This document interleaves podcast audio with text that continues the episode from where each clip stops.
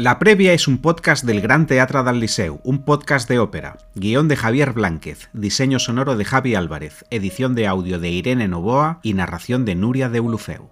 En este capítulo hablaremos del Mesías, el inmortal oratorio de Georg Friedrich Händel, estrenado en Dublín en 1742, una de las obras más elevadas y perfectas de la música universal. Esta observación tan categórica no es exagerada. El Mesías trasciende más allá de su autor, de la época barroca e incluso de la categoría de música religiosa. Tal como indica Robert Wilson, el director de escena responsable de la producción que ahora llega a Barcelona, el Mesías es algo más que una pieza sobre la figura de Jesucristo. Es un viaje espiritual incomparable que sigue emocionando por su magnitud y belleza a públicos de todas las culturas. Las funciones que podremos ver en el Liceu, sin embargo, mostrarán un Mesías diferente al que se suele interpretar en los programas de concierto de Semana Santa o Navidad, pues no es exactamente la obra original de Händel. Se trata del arreglo que hizo Wolfgang Amadeus Mozart en 1789 para un ciclo de conciertos privados en Viena y que presenta una traducción del libreto al alemán y una nueva orquestación.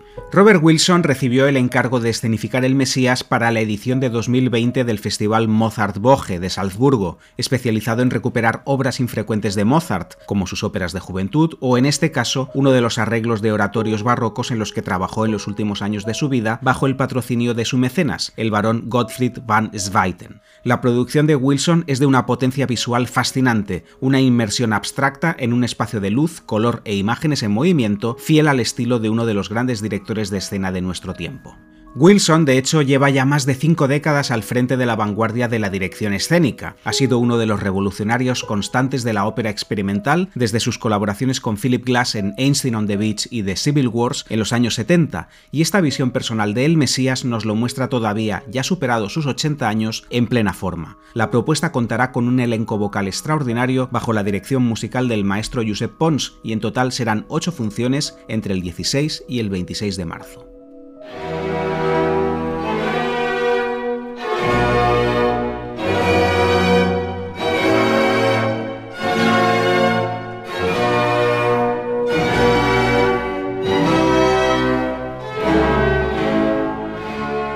Händel es un compositor del que podemos identificar decenas de obras maestras. Cuando entramos en su música, rápidamente nos familiarizamos con suites orquestales como la música acuática, la música para los reales fuegos artificiales, sus concerti grossi y, por supuesto, sus óperas, que en los últimos años se han programado con regularidad en los principales teatros de toda Europa. En el Liceu, en temporadas recientes, hemos podido escuchar obras como Parténope, Alchina o Agripina, y habrá más en el futuro. Pero si tuviéramos que reducir todo Händel a una sola obra, tendría que ser El Mesías, el oratorio que estrenó en 1742 en Dublín, ya hacia el final de su carrera, y que significó a la larga su consagración absoluta como el gran dios de la música inglesa sobre todo gracias al impacto que tuvo y aún tiene el inmenso coro del Aleluya, seguramente el fragmento más conocido de toda la música barroca.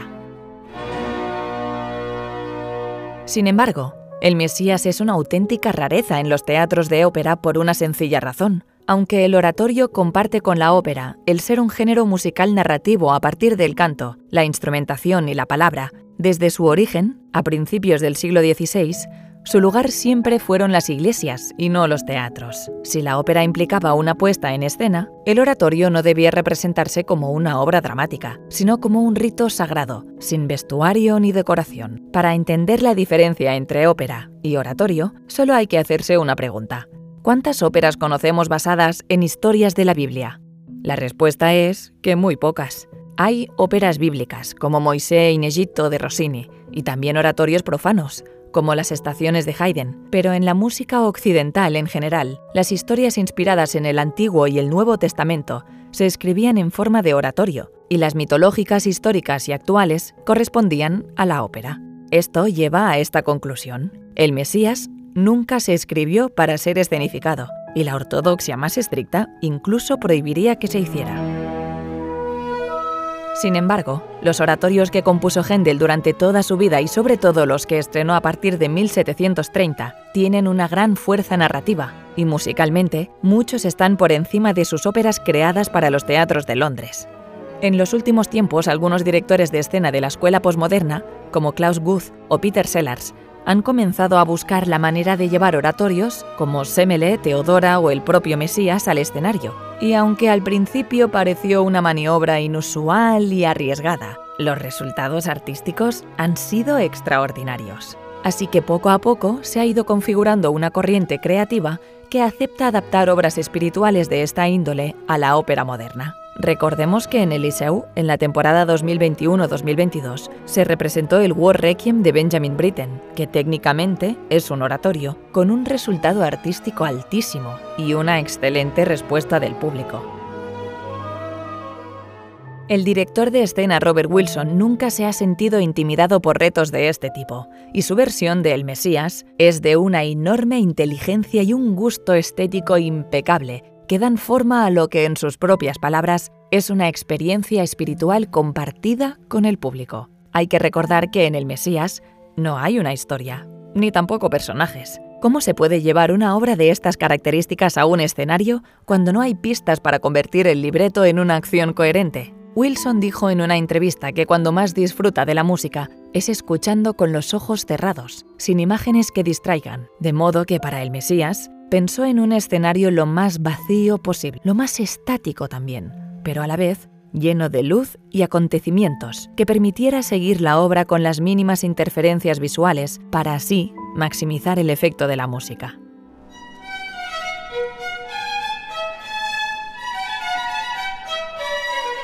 Su producción consiste en un espacio único iluminado con luces blancas y cálidas, como el azul suave, con una gran pantalla al fondo que casi siempre parece un cielo despejado, y para ello ha contado con la ayuda de la escenógrafa Stephanie Engel y del videoartista Thomas Jesorski, colaboradores con los que ha podido llevar al máximo su concepto estético de autor. Los cantantes, como es habitual en las producciones de Wilson, tienen una presencia estática, maquillados como actores de cine mudo o de teatro kabuki japonés, vestidos de manera exquisita por Carlos Soto. Cada número del Mesías implica un movimiento en escena que Wilson organiza como si fueran viñetas de un libro de estampas religiosas. También se inventa un personaje que une toda la producción, el bailarín Alexis Fusekis, que crea un interesante contrapunto escénico con los cantantes, que serán la soprano rusa Julia Letsnieva, la contralto Kate Lindsay, el tenor Richard Croft y el bajo Kresimir Strazanak. Todo ello al servicio de algo insólito, dar vida al gran oratorio de Händel en la revisión poco conocida y a la vez magistral que firmó Mozart cuando estaba en su plenitud creativa. Sobre la historia del Mesías y el arreglo de Mozart, Javier nos aporta ahora más información. La coloratura. La coloratura. Händel tuvo una carrera fulgurante como compositor de óperas al estilo italiano bajo el patrocinio de los nobles y la corona de Inglaterra, y durante tres décadas, entre 1711 y 1741, sus estrenos en Londres atrajeron la atención del público culto y aristócrata. Pero ese viaje no fue fácil, muchos de sus estrenos fueron éxitos, pero otros terminaron en fracasos que le cargaron de deudas y de enemigos. Al final, a mediados de la década de 1730, al comprobar también que el gusto del público estaba cambiando, Händel empezó a reducir su producción operística y comenzó a trabajar más activamente en el campo del oratorio, que le daba más alegrías. Händel en realidad nunca fue un hombre muy religioso, sus piezas para la iglesia tienen un carácter más ceremonial que místico, y lo mismo se puede decir de sus oratorios, que nunca se los planteó como un vehículo para reforzar la fe, sino para seguir produciendo música teatral, que era su especialidad, sin perder el favor del público. Los oratorios llegaban a capas de población más amplias que las óperas, porque se podían representar sin necesidad de un escenario y también porque estaban escritas en inglés. A lo largo de su vida llegó a componer más de 20.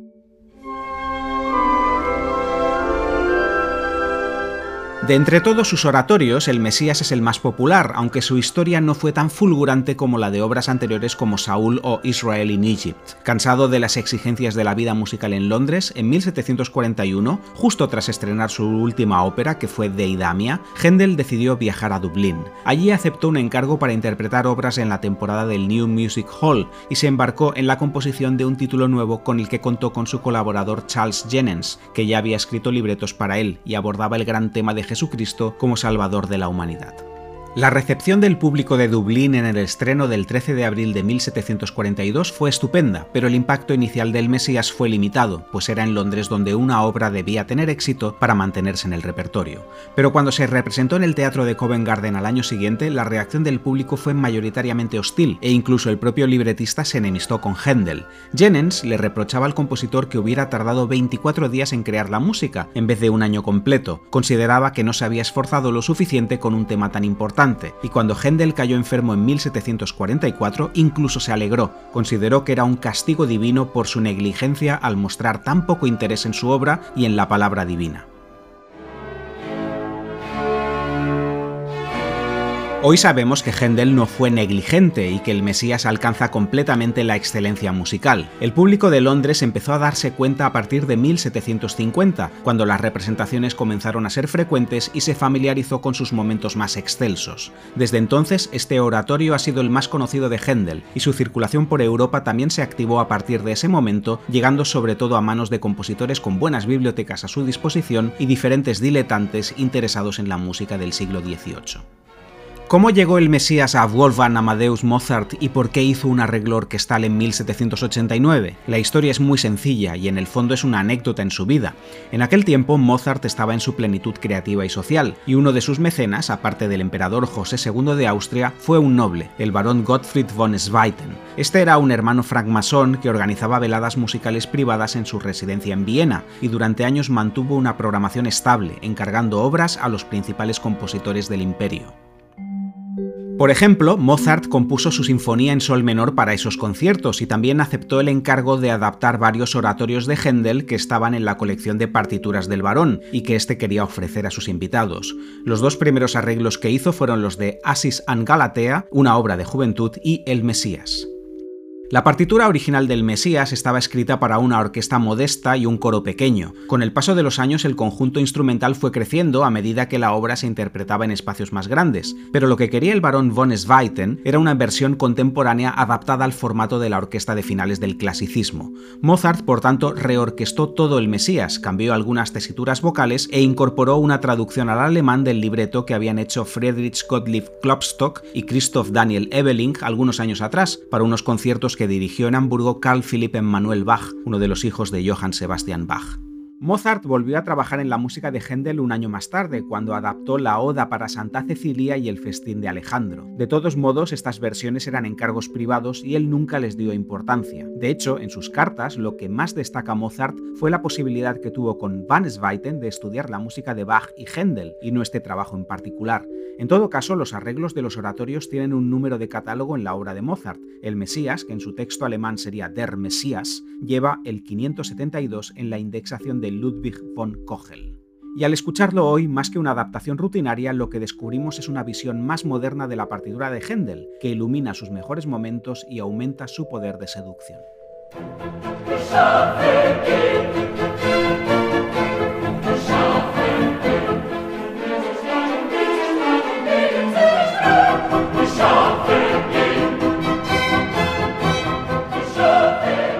Aunque El Mesías es una obra dramática que sobrepasa las dos horas de duración, no podemos decir que haya un argumento o una historia detrás. Charles Jennens decidió hacer algo diferente al escribir el libreto y abordó de manera abstracta un tema, el tema más universal según su criterio, el de la salvación de la humanidad.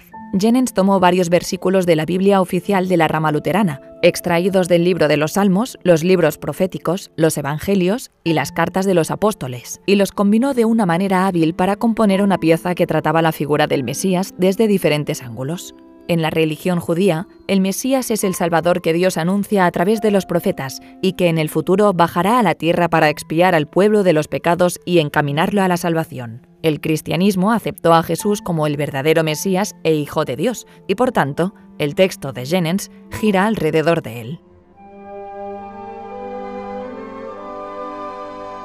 El oratorio está dividido en tres actos, que se corresponden con tres acercamientos a la figura del Mesías. En la primera parte se combinan textos de los profetas antiguos, de la anunciación del nacimiento de Jesús y de la Navidad. La segunda parte tiene que ver con el sacrificio de Jesús, su tormento y muerte en la cruz, su resurrección y su ascensión a los cielos, un acontecimiento que en el oratorio está acompañado del famoso coro del Aleluya, que aclama a Jesús como Rey de Reyes.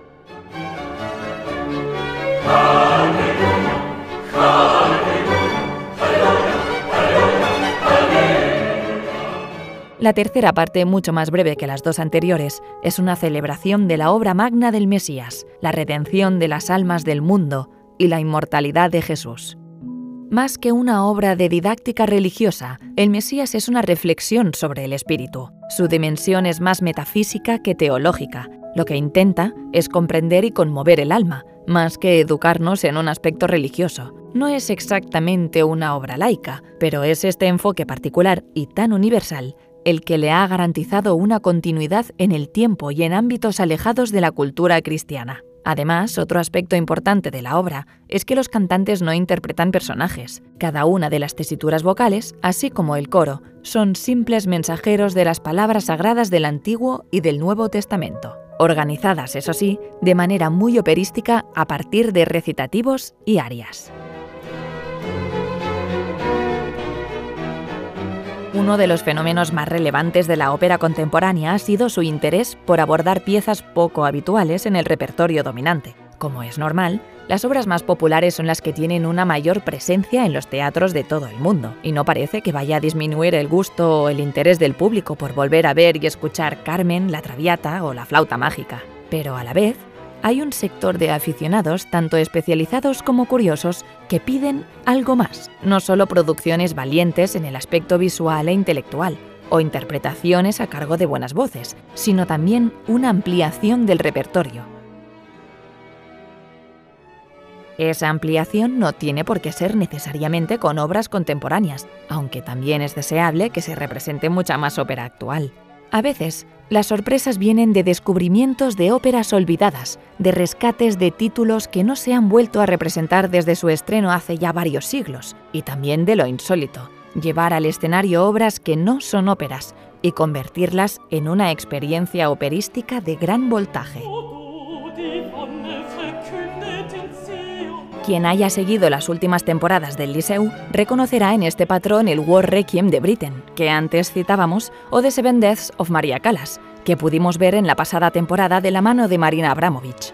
El Mesías, de Robert Wilson, pertenece a esa misma categoría. No es una ópera, no explica una historia convencional, pero se transforma en un espectáculo de una profundidad y un alcance sensorial admirables. La propuesta de Wilson funciona a todos los niveles, nos sumerge en el misterio de la llegada del Salvador, ilumina lo inefable con imágenes de una belleza constante, rompe moldes escénicos y sabe combinar lo tradicional con lo absolutamente moderno. Integra vídeo y acción real de una manera armoniosa y la música nunca pierde su protagonismo, gracias a las grandes voces con las que contaremos y la fuerza de la orquesta, que se beneficia de la partitura de Mozart, pensada para un conjunto grande. Para Händel hubiera sido impensable que su obra sobreviviera casi 300 años para convertirse ahora en una propuesta multimedia. Pero ahí está el otro milagro del Mesías, el de convertir un texto religioso en una experiencia espiritual aún más amplia, universal